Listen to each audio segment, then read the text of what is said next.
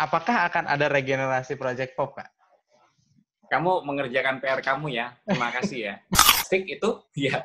Yeah, Kalau orang-orang Indonesia tahu liriknya seperti apa, you know, yeah. seperti apa dia uh, membawa lirik-lirik rapnya yang eksplisit itu, ya mereka akan mendapati kalau itu di Indonesia kan itu jauh lebih kasar daripada lagu badnya Paul Karin sama Young Lex, ya kan?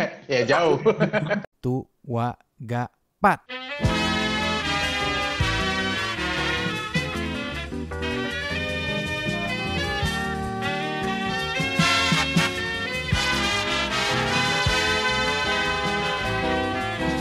Anda sedang mendengarkan The Bernhard Para Show.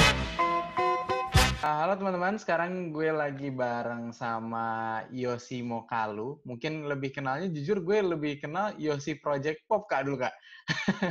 Pertama tuh gue ngeliat lo langsung waktu itu di nikahannya Kak Ujo waktu itu. Oh, itu dulu dulu banget tuh itu pertama kali gue ketemu langsung sama lo dan gue mau bilang pertama kali dulu terima kasih banyak atas karya-karyanya sejak kalau nggak salah lo masuk Project Pop tahun 95 ya?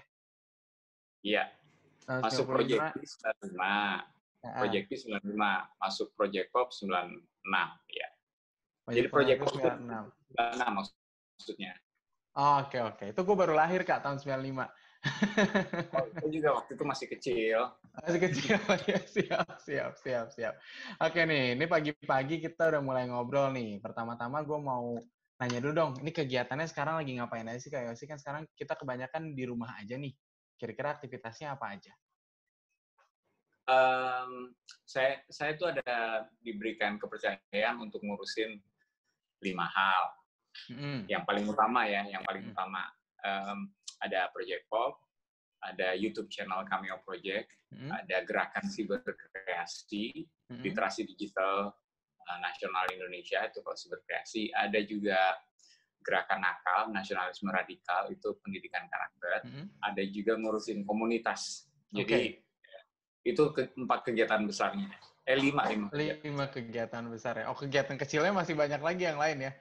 Ada, iya.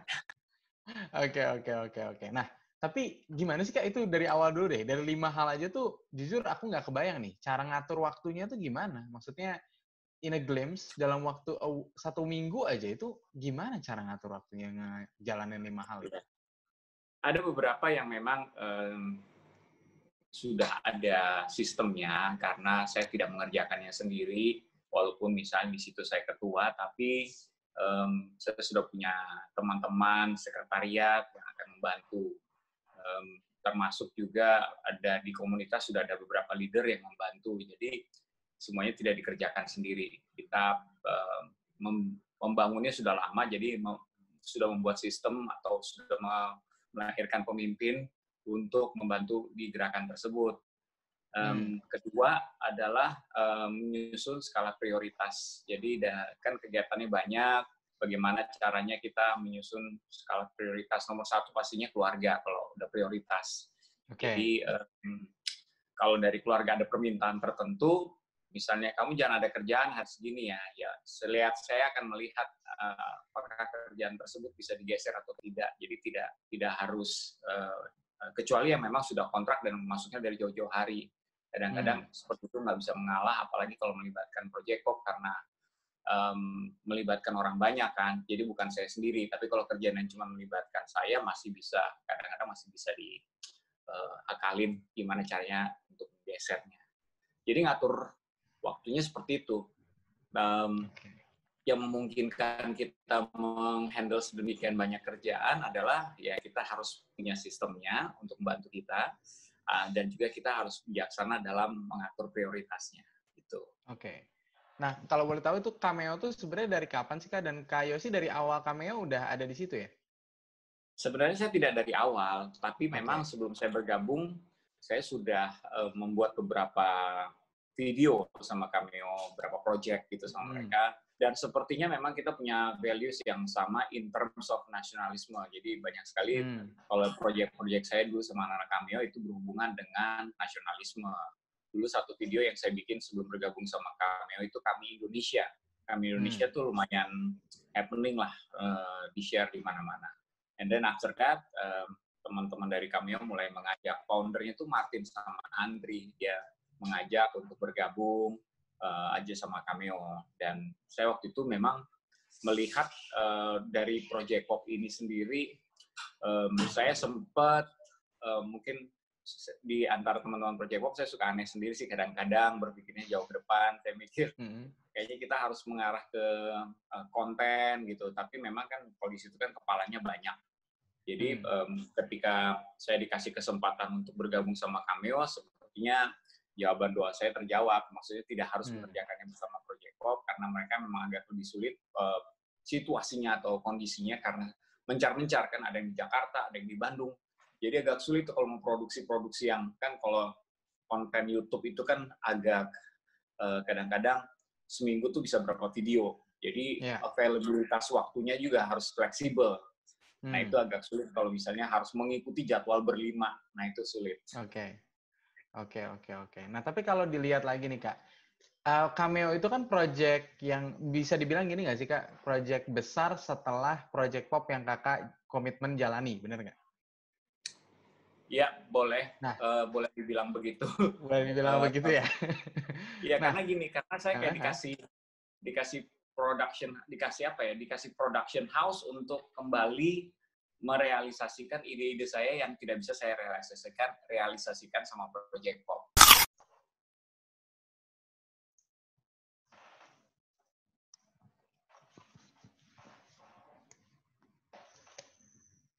Halo. Cek. Nah, udah aman terdengar lagi nih. Aman, aman, aman. Sorry Kak, ada kendala teknis mungkin ya. Iya.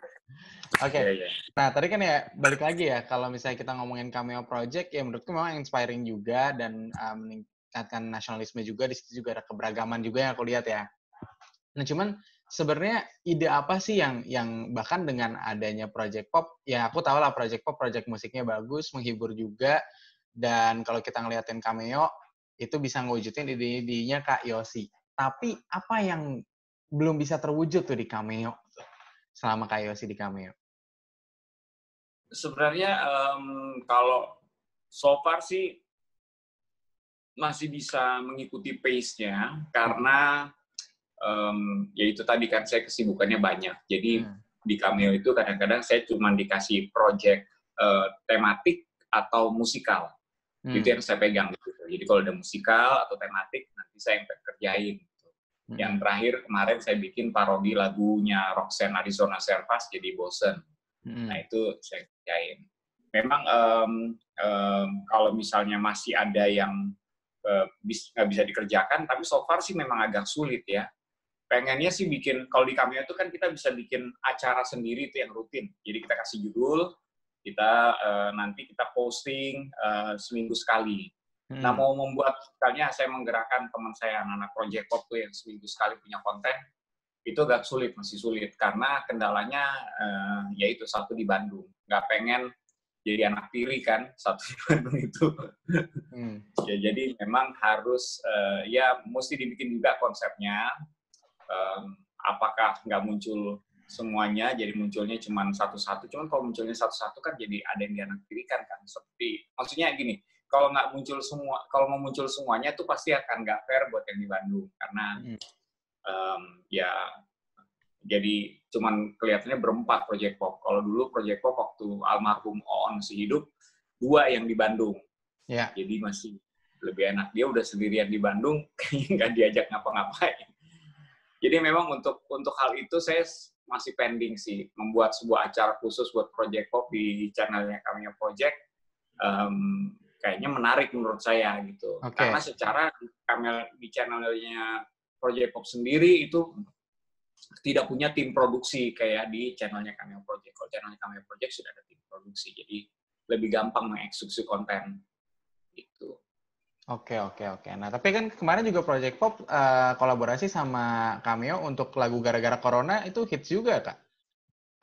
Iya, puji Tuhan. Ya, um, ya itu karena saya ada di sana, jadi memungkinkan kan. Kalau saya nggak ada di situ, Oke. Okay. bisa. Jadi, jadi karena Kak Yosi ada di dua-duanya, berarti bisa memanfaatkan tim produksinya Cameo Project untuk kolaborasi sama uh, Project Pop. Makanya juga pengen bikin show sendiri, tapi problemnya adalah balik lagi sekarang bukan waktu tapi jarak ya. Iya, jarak. Oke. Berarti jarak yang jadi masalah utama. Nah, ini kan kita kalau ngomongin soal teamwork, kita ngomongin soal jarak, itu ada sinergi di mana, oh iya ini jarak jadi suatu masalah nih gitu kan. Dan tapi pentingnya apa sih kak? Kan tadi kan kayak sih pengen bikin konten yang banyak nih. Pentingnya bikin konten yang banyak nih apa gitu loh? Kenapa harus Project Pop aja sampai bikin konten yang banyak gitu? Kalau di dunia seni, atau dunia entertainment, mm-hmm. ya, mostly sih sebenarnya lebih ke seni. Mm-hmm. Kalau kita adalah pelaku industri dunia seni atau dunia seninya apa pun sih, mm-hmm. uh, terutama kalau kita kan musik ya, mm-hmm. itu um, uh, karya itu menjadi sesuatu yang penting. Mm-hmm. Gitu. Um, banyak orang yang uh, sudah berhenti berkarya sehingga tidak terdengar lagi namanya, mm-hmm. tidak grupnya bubar gitu Um, sedangkan uh, mungkin ya mungkin saja patokannya adalah uh, sebagian dari mereka yang saya kenal uh, hitsnya tidak sukses, uh, karyanya tidak sukses, and then untuk memulai lagi sudah mulai kehilangan passion, ada atau berantem di dalam hmm. kita nggak tahu. Tapi terlepas dari itu, um, sebenarnya karya itu tetap harus dibuat kita nggak pernah tahu dengan komitmen seperti itu, konsistensi seperti itu, mana akhirnya karya yang akan ngehook lagi. Okay. Nah, um, ya seperti halnya Project Pop, Project Pop juga begitu. We're just doing it, berkarya terus, berkarya terus. Ada lagu kita yang uh, di notice sama orang-orang, ada yang enggak. Gara-gara corona itu kan sebenarnya lagu lama, gara-gara kahitna. Mm -hmm. Nah, karena kita berkarya terus, akhirnya orang um, notice lagi, oh iya ini Project Pop, oh iya mereka jadi kangen lagi, jadi ingat lagi. Jadi hal-hal seperti itu sebenarnya berkarya itu menjadi sebuah keharusan kalau menurut saya ya, dalam strategi bisnis pekerja seni, apalagi dunia entertainment. Nah, dunia entertainment kan um, itu Windows-nya harus selalu ada. Windows hmm. itu artinya gini, orang bisa melihat di mana sih? Karena secara pelaku entertainment itu entertainer itu banyak di hmm. Indonesia hmm. pelakunya. Hmm. Misalnya nge-MC deh, nggak usah penyanyi. Kalau lo udah jarang di TV, uh, sama lo sering di TV, pasti yang lebih sering dipakai yang sering di TV karena orang ingat dia dan melihat dia lucu. Padahal belum tentu lo jarang di TV, lo udah nggak bisa nge-MC lagi atau lo udah jelek MC-nya. Yeah, Ini ya, contoh yeah. aja. Yeah. Apalagi penyanyi, penyanyi juga pesaingnya banyak gitu ya. Mm-hmm. Cuman puji Tuhannya memang Project Pop, ya kita udah punya uniqueness dari awal uh, lagu-lagunya genrenya nggak umum, genrenya komedi, dan itu juga uniqueness kita. Itu yang juga salah satu yang menyebabkan karya kita masih ditunggu oleh uh, terutama penggemar Project Pop. Oke, nah kayak sih, kalau kita ngomongin tadi ini ada satu banget yang menarik. Kendalanya Project Pop itu salah satunya jarak. Tapi kan pasti nggak mungkin dong, ini udah bertahun-tahun gitu kan. Udah puluhan tahun, masuk nggak puluhan tahun? Uh, 23. 23 tahun. Nah, pasti ada lah konflik-konflik kan sama aja kayak kita bikin bisnis kan kalau ngomongin barang-barang gitu kan balik lagi ini ini bisnis seni gitu kan.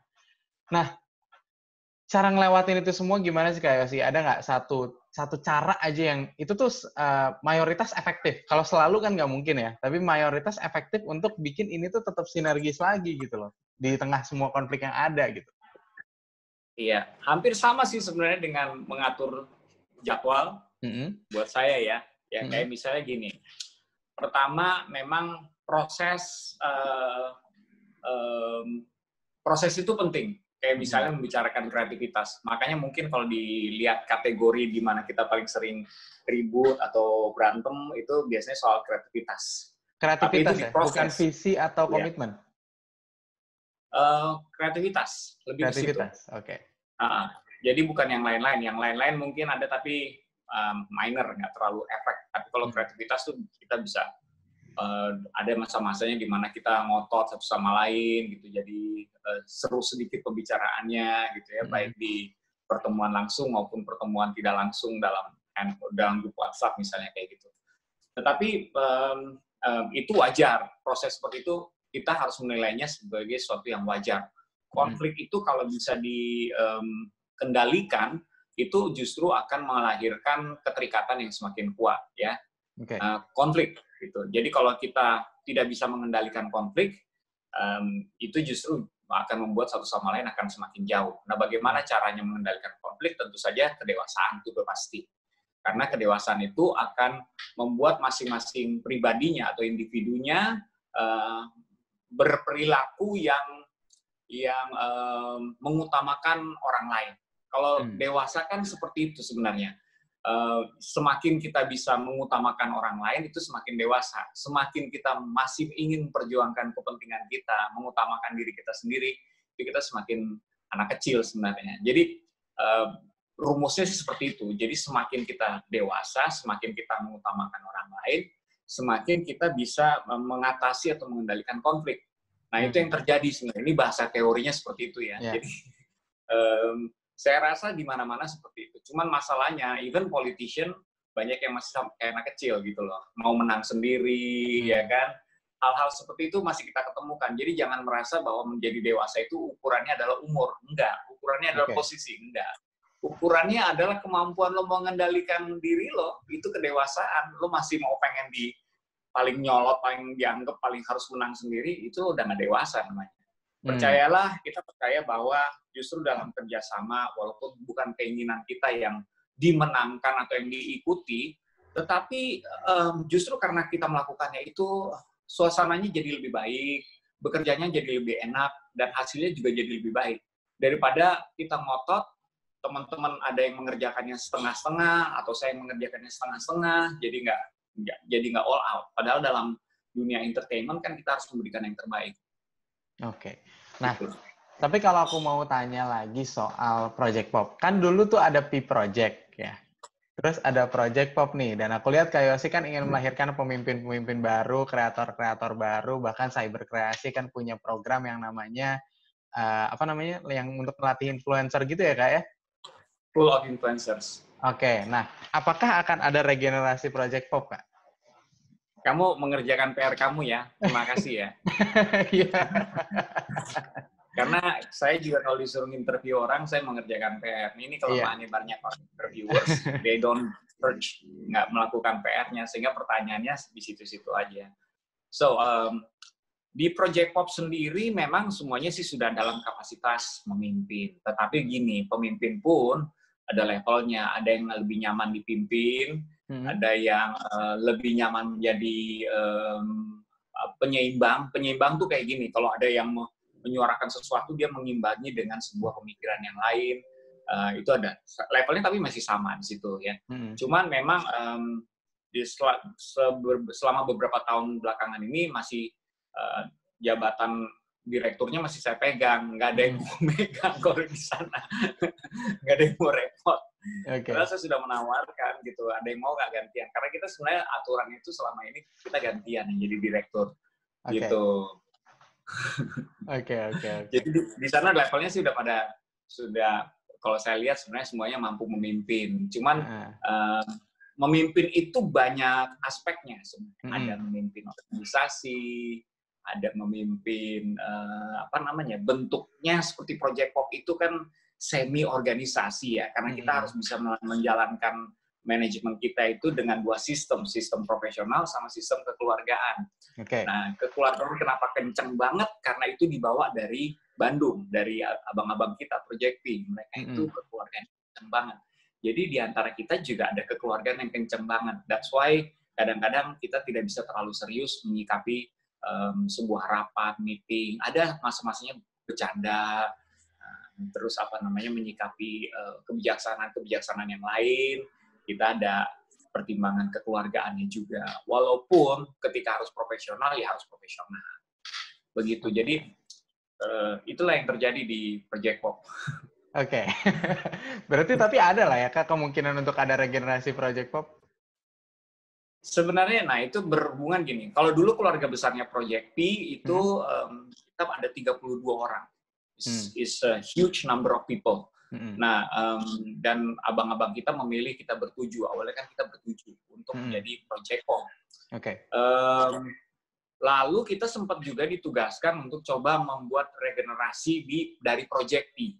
Oke. Okay. Nah, masalahnya begini, uh, ternyata tidak semudah itu membuat sebuah grup entertainment yang baru hmm. karena uh, apalagi kalau misalnya harus mengikuti pola yang sama menghibur dengan cara komedi project okay. project pop itu ya kan Walaupun perbedaannya di Project P mereka lagu parodi, di Project Pop kita lagu original, uh, original hmm. yang yang berkomedi. Nah, ketika kita melihat potensi yang ada di bawah kita, kita tidak bisa uh, melakukan hal yang sama karena ternyata beda potensi yang di bawah kita. Kita okay. sudah mencoba ke musik, um, uh, di situ cukup berantakan dalam produksinya. Okay. Terus terutama kelemahannya adalah uh, leadership skill-nya. Jadi okay tidak ada yang bisa memimpin dengan baik semuanya uh, masih gede e, e egonya okay. um, jadi susah lah dibentuk itu saya sempat ke Bandung berapa kali saya mengarahkan mereka kepada bukan kelompok musik kepada kelompok uh, uh, ya kelompok model-model kelompok lawak kelompok komedi barulah gitu hmm. tapi yang mempunyai program cuman balik lagi kalau berantem kalau nggak kompak susah untuk untuk uh, mereka bisa memulai karir mereka. Cuman memang ternyata Tuhan punya pemikiran lain. Ini mereka ini adalah orang-orang yang kuat di belakang layar. Jadi rata-rata dari mereka itu sudah keluar dari Project P, banyak yang kerja di TV-TV swasta pada nyebar, mulai dari Global TV, Net TV, Trans TV, hmm. semuanya jadi produser, semuanya jadi orang-orang belakang layar. So hmm. memang mereka talentanya berbeda, panggilan mereka berbeda. Nah, okay. kita sekarang belum melihat lagi kesempatan untuk mau regenerasi lagi membuat another project pop lagi belum belum tahu okay. belum lihat seperti itu tapi memang untuk menjaga karena sebenarnya regenerasi itu kita mesti lihat dulu tujuannya apa yeah. Ya. e, menjaga keberlangsungan atau e, apa namanya e, seperti estafet mungkin kita mesti menyerahkan tongkat estafet kepada um, kelompok baru nggak semudah itu kalau kita lihat Kahitna, mereka hanya melakukan permajaan, mengganti satu vokalisnya yang lebih muda. Nah, hmm. itu juga belum tentu. Kita juga udah melihat beberapa option. Di Project Pop itu hmm. agak sulit karena kita unik. Kalau kita okay. masukin yang lebih muda, dia bisa nggak uh, apa namanya cukup percaya diri nggak? Iya, yeah, iya. Yeah. Kita yang gitu. Ya semuanya masih dalam pertimbangan. Um, bukannya nggak mungkin, mungkin mungkin saja. Tapi so far talent talentnya nggak ada di sekitar kita. Belum ada yang terlihat selain dari mungkin anak-anak kita sendiri. Yang lain halnya kalau oh, kita okay. mengangkat anak sendiri yang udah pada mulai remaja itu. Iya, iya, benar-benar. Nah, tapi ini menarik, Kak. Karena tadi kan uh, Project P, P Project itu dari Bandung. Terus Kak Yosi juga kan uh, lulusan FISIP di Bandung juga, gitu kan. Nah, balik lagi nih, uh, sekarang yang mau, mau udah punya rencana regenerasi tadinya cuman uh, belum terlalu inilah ya waktunya belum pas gitu ya di Bandung juga. Nah, kan tadi balik lagi talentanya di sekitar kita belum ini nih. Aku lihat tuh sekitarnya tuh Bandung gitu loh. Aku pun lahir di Bandung gitu. Tapi apakah harus di Bandung karena itu menjaga legacy dari akarnya gitu? Tidak harus sekarang. Karena memang sebenarnya Project Pop sendiri secara manajemen hmm. kita sudah memisahkan diri dari Project P. Itu ada sejarahnya. Okay. Cuman secara kekeluargaan kita tidak pernah bisa melepaskan diri karena memang akarnya sama karena hmm. memisahkan dirinya hanya secara uh, organisasi aja, okay. secara manajemen. Um, ada saatnya di mana pada saat itu memang Project P lagi banyak banget kerjaannya, sehingga ketika kita masih di manage oleh Project P, kita nggak kepegang. Okay. Begitu kita nggak kepegang, akhirnya kita um, mengusulkan untuk punya manajer sendiri, hmm. gitu yang masih dipantau oleh Project P. Ini pun nggak jalan dan akhirnya mereka uh, merelakan kita memanage diri kita sendiri uh, dengan manajer yang baru dan manajer yang baru ini ya tidak ada hubungannya sama Project P. Akhirnya um, kita berjalan terus sampai sekarang dan kayaknya cara itu lebih baik. Nah ini okay. ini dalam in terms of uh, ini ya um, lingkungan manajemen. Uh, tetapi memang um, mostly dari kita itu uh, sempat ditanya sama kakak-kakak soal hmm. adik-adik, ya kita sudah melakukannya sih sejauh itu.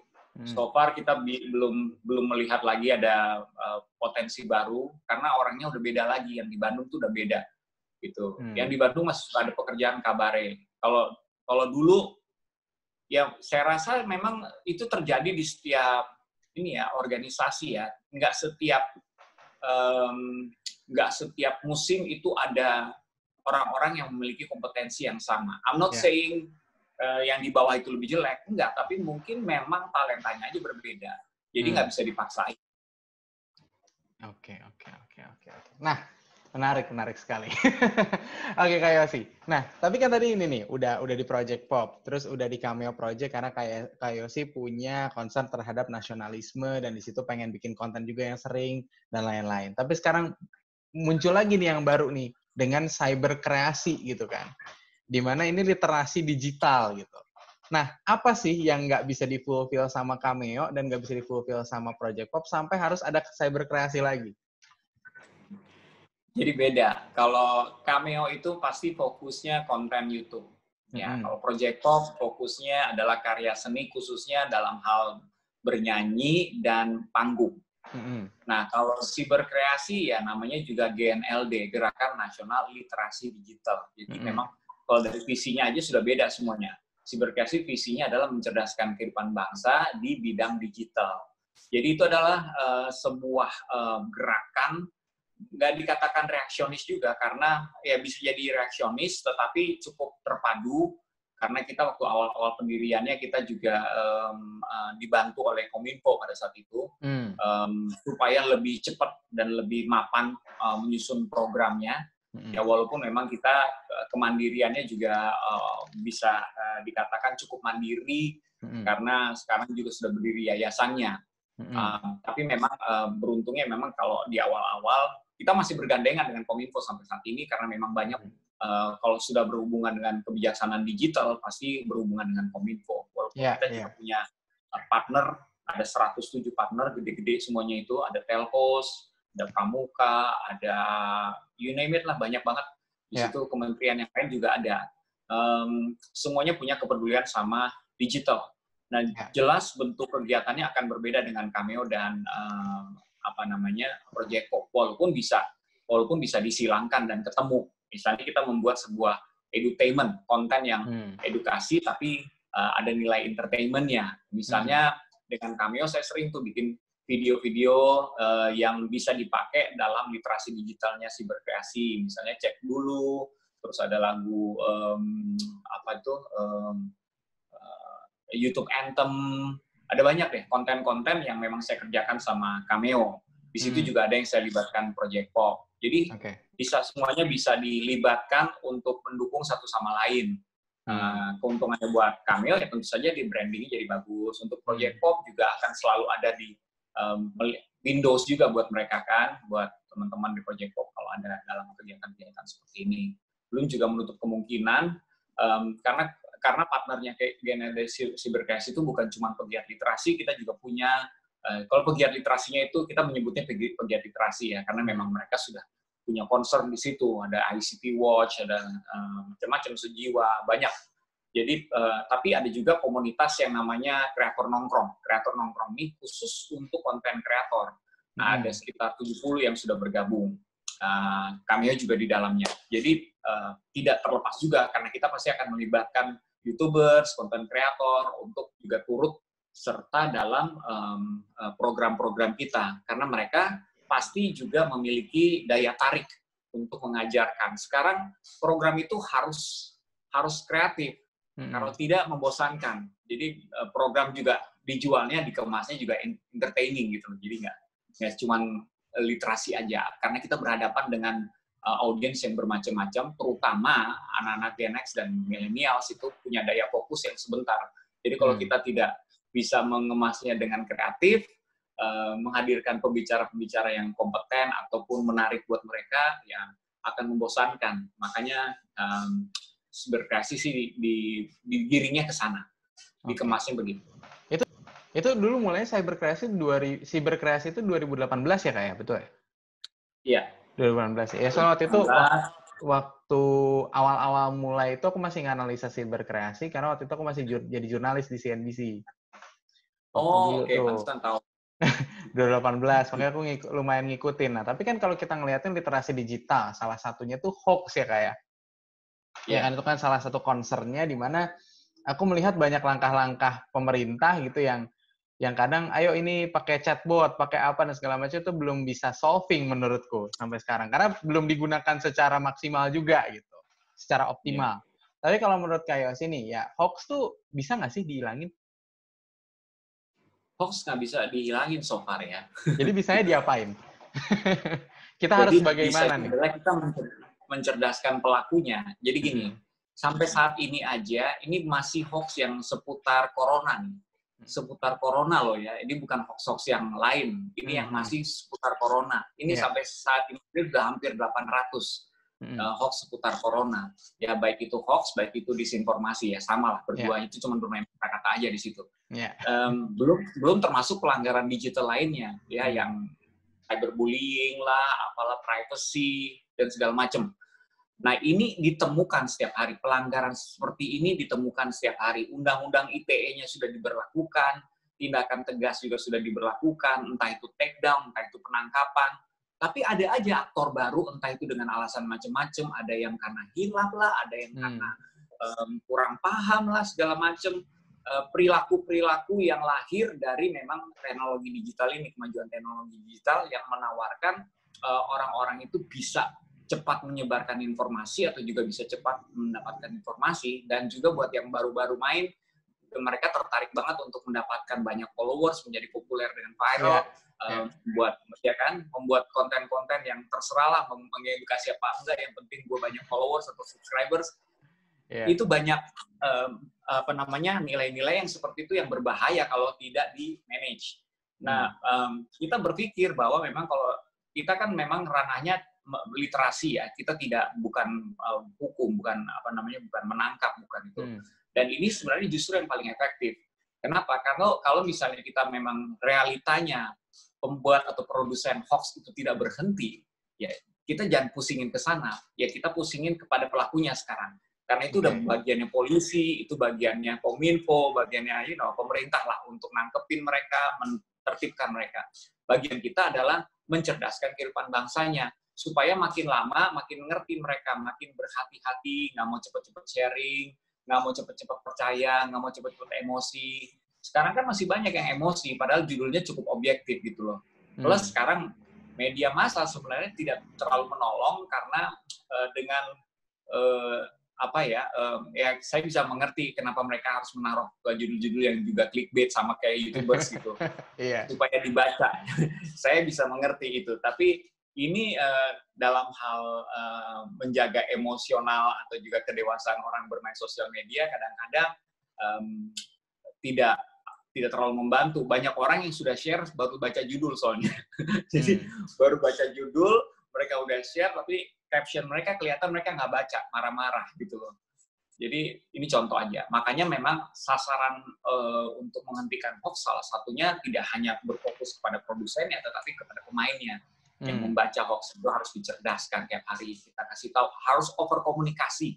Jadi nggak cuma bisa, you know, hari minggu ini kita udah ngomongin tentang hoax, minggu depan kita nggak perlu ngomongin tentang hoax. Tetap harus ngomongin karena masyarakat kita tuh Sabang sampai Maroke, nggak semuanya bisa, eh, belum semuanya juga terjangkau internet, ya kan? Jadi memang salah satu cara pengendalian informasinya adalah mencerdaskan eh, mencerdaskan bangsanya. Walaupun saya waktu itu sempat berpendapat bahwa memang Indonesia karena sistem dan juga demokrasi demokratisasi yang dipegang, eh, kebebasan berpendapat itu menyebabkan kita tidak bisa terlalu memonopoli sumber informasi. Ya. Kalau negara komunis kan lain, mereka bisa memonopoli sumber informasi. Iya. Walaupun sebenarnya kalau kalau saya ber- saya sih berharap tetap, tetap sebenarnya kita bisa eh, melakukan eh, kreativitas dalam hal misalnya kita membuat sebuah aturan yang walaupun tidak memonopoli eh, seluruh media informasi, tetapi kita mem- bisa memonopoli lima menit aja waktu di Indonesia misalnya Hmm. untuk edukasi. Bayangkan kalau di setiap prime time semua media informasi menyebarkan sebuah sistem edukasi yang sama. Orang jadi mau buka apa pun, mereka harus nonton itu. Dua menit deh, nggak usah lima menit. Itu eh, sama halnya seperti zaman Indonesia ketika dulu belum banyak eh, belum banyak apa namanya media informasi, masih TVRI doang, ya kan? Jadi orang semuanya fokus tuh. Pemerintah ngomong transmigrasi, semuanya nonton itu. Ya. Pemerintah ngomong keluarga berencana, semuanya ke sana. Ya. Pemilu, semuanya ke sana. Jadi fokus, nggak ada distorsinya. Sekarang kan distorsinya banyak banget, jadi susah orang untuk belajar. Ya itu Oke. usulan aja sih. Oke, siap Kak. Nah, tadi ngomongin lagi soal monopoli ini seru banget nih. Karena gini, pemerintah kan sampai saat ini ya masih memblokir beberapa layanan streaming, Kak.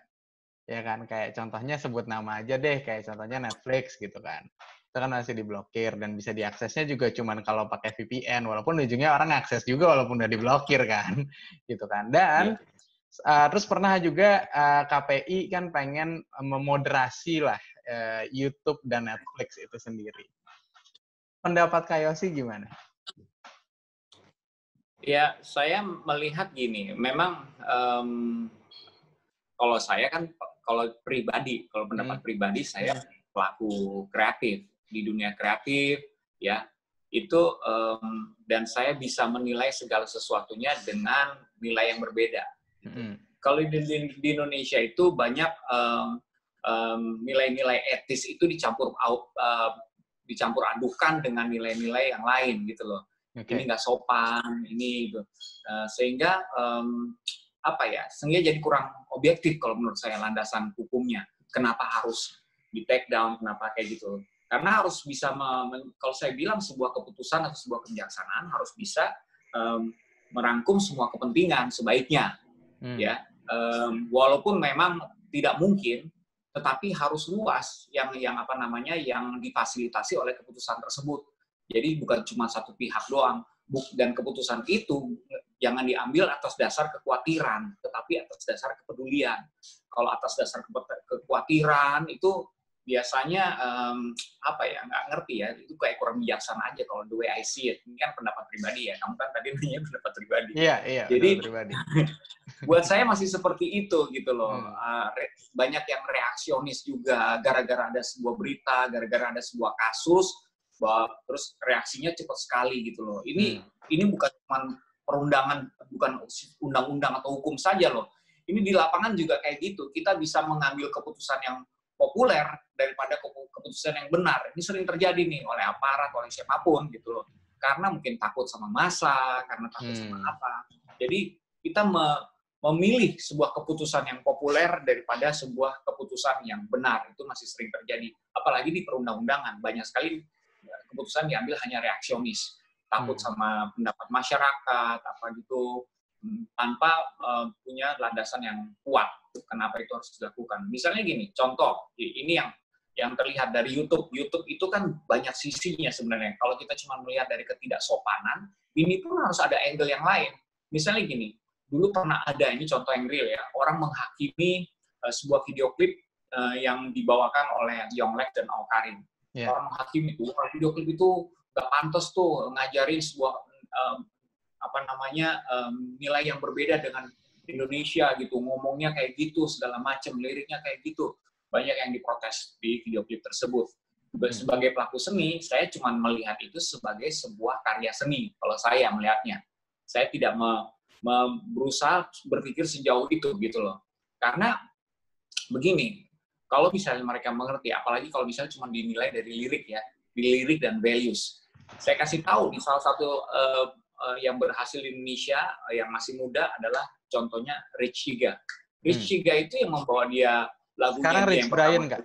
That Stick itu, ya. Yeah, kalau orang-orang Indonesia tahu liriknya seperti apa, you know, yeah. seperti apa dia membawa lirik-lirik rapnya yang eksplisit itu, ya mereka akan mendapati kalau itu di Indonesia kan itu jauh lebih kasar daripada lagu bandnya Karin sama Young Lex, ya kan? ya jauh. Iya, iya. Ngerti ya? Iya, iya, iya. Dia tidak seimbang gitu loh. Maksud dia karena dia tidak mendapatkan hal tersebut, dia malah bisa malah diapresiasi oleh uh, apa namanya dunia. Dia sekarang terkenal, dia punya label di Amerika, you know, stuff like that. Jadi kita harus bisa menjadi orang yang tidak jaji lah. Maksudnya jangan jangan apa-apa itu dikaitkannya cuma di satu sisi, tapi harus bisa mengkaitkannya lebih terbuka, lebih okay. terbuka melihat segala sesuatunya baru kita memutuskan. Karena lawannya mereka ini keputusan itu harusnya juga menjangkau generasi yang di bawah, okay. yaitu Gen X, millennials okay. gitu, nggak cuma generasi baby boomers ke atas gitu loh. Siap, siap, siap, siap. Jadi gini, kalau misalnya nih, uh, KPI misalnya moderasi Netflix sama YouTube. Kan ujungnya orang pasti pindah dong. Oh ya ini beberapa konten nggak bisa, konten jadi diatur, terus habis itu, oh aku harus bikin konten kayak gini. Apakah itu solusi yang tepat? Dan apakah itu berarti monopoli lagi dong? Karena kita harusnya ke TV kabel apa kabel TV lagi kayak mungkin ke Trans TV, Trans 7, terus uh, SCTV, RCTI, dan lain-lain. Menurut kayak sih gimana? Iya nggak sih kalau itu terjadi, iya nggak sih kayak gitu?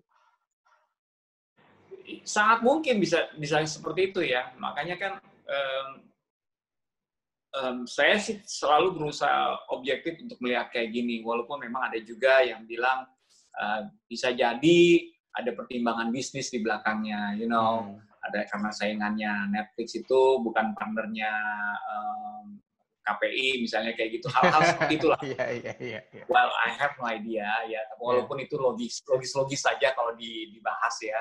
Iya. Um, tapi kan memang harus ada bukti ya. Cuman um, balik lagi um, kalau standarnya yang dipertem, apa namanya yang dipertentangkan adalah nilai yang mendidik, misalnya itu selalu menjadi alasan yang um, landasan yang utama. Saya kalau dalam hal um, pemberedelan atau pemutusan atau pemblokiran adalah nilai yang mendidik ya kan?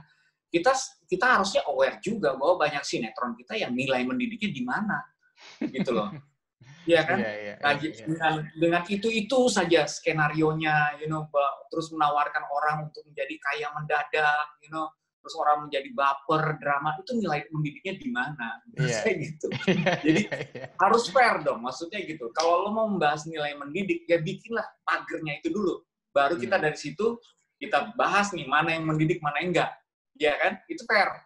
Kalau okay. cuma berdasarkan satu konten dua konten terus itu juga cuma sepihak lihatnya lu nggak melihat konten-konten di Indonesia apa? Emang semuanya udah mendidik? Apa yang dibuat oleh TV-TV swasta itu nggak semuanya mendidik loh. Iya. Iya iya ya that's my opinion sih. Oke okay. ini pertanyaan terakhir kak karena waktunya udah mau habis juga. Menurut okay. Kayosi radikal itu apa Nah ini simpel karena saya punya gerakan nakal, ya kan, nasionalisme radikal. Oke, okay. hmm. sebenarnya kenapa kata radikal itu menjadi musuh banyak orang? Karena selalu dikaitkan kepada tindakan radikal yang teroris mungkin ya. Padahal kata radikal secara etimologis ya ber, berarti eh, dasar akar Hmm. Dan ini terbukti dalam sejarah bahwa kata radikal pun dilekatkan kepada banyak pejuang kita. Belanda itu menyebut dulu Soekarno sama teman-temannya itu adalah pemuda radikal. Hmm. Gitu loh. Jadi dan di dalam hal tersebut kita tidak melihatnya negatif sebenarnya. Kita hmm. hanya mendengar buah kata itu negatif karena kita kebanyakan mengkaitkannya kepada peristiwa tertentu. Yaitu yaitu kalau kita menjelaskan orang-orang yang teroris yang berani mati itu adalah tindakan yang radikal Hmm. Padahal kalau yang dia perjuangkan benar seperti nasionalisme, we don't see it as a negative thing gitu loh. Hmm. Sama halnya kalau gue menjelaskan kata anjing, gue hmm. suka ngomong kayak gitu. Lo tau kalau lo pertama kali dengar anjing, pasti nyawanya tuh negatif karena lebih hmm. sering kita mengkaitkannya kepada orang yang memaki atau marah dengan kata tersebut, ya yeah. kan? Sehingga seolah-olah anjing itu negatif dan tidak sopan. Padahal anjing secara etimologis bisa dijelaskan adalah binatang dan di hmm. lain daerah tidak tidak akan berkesan seperti itu. Hmm. Di Amerika ya dog, my dog, your dog itu itu bukan sesuatu yang uh, apa namanya kasar. Lo kasar, ngatain orang ya. dog, api, semua merasa mereka ya biasa-biasa aja gitu loh, ya kan? Sama dengan halnya kita menggunakan bahasa binatang yang lain untuk uh, orang mengatai orang lain karena tidak sering digunakan itu tidak akan dinilai kasar. Yeah. Di Sunda anjing itu malah dinilai kadang-kadang akrab karena hmm. kita memanggil teman kita si anjing, eh si iya. anjing yeah. kamanawar ya. Kan? Yeah betul, Jadi betul. semuanya itu yang, yang memberikan nyawa sebenarnya adalah kita gitu loh. Hmm. Ya kan? Padahal sesederhana itu setiap kata itu punya arti secara etimologis dan hmm. selalu objektif sifatnya. Kita aja yang memberikan nyawa itu negatif gitu loh. Sama, jadi begitu sering ke sebuah kata itu dipakai untuk menjelaskan hal yang negatif, akhirnya kita memberikan nyawa yang negatif terhadap kata tersebut. Buat saya radikal it's okay selama yang diperjuangkan itu benar. Oke, oke, oke. Wah, gila, keren banget nih. Terima kasih banyak loh Kak Yosi untuk waktunya. Karena ya iya sih, kalau di Sunda, sebenarnya kayak ngatain orang barokokok juga nggak apa-apa ya. Soalnya itu juga bikin akrab kan. Iya, iya. Kalau yeah. Arman Maulana kan kalau mau manggung di eh, Gigi manggung di mana-mana dia selalu Bandung anjing dia bilang gitu. Iya iya iya iya iya benar benar benar. Siap kayak sih. Terima kasih atas waktunya pagi ini udah Thank mau you. nih digangguin Bernhard pagi-pagi. Thank you banget atas waktunya. Nanti kalau misalnya teman teman-teman yang nonton nih, kalau misalnya kamu suka, kamu boleh like. Kalau kamu nggak suka, dislike aja. Jadi konten ini bisa jadi lebih bagus lagi. Dan kalau kamu pengen terus up to date bisa subscribe atau berlangganan di konten ini. Dan terima kasih lagi sekali lagi untuk Kak Yosi. Semoga semua yang dijalanin sukses selalu ya Kak. Amin, amin. Thank Oke, you, Kak. semangat juga ya. Terima Thank kasih you. sudah memberikan pertanyaan yang bagus. Ya, thank you. Have a great day, Kak.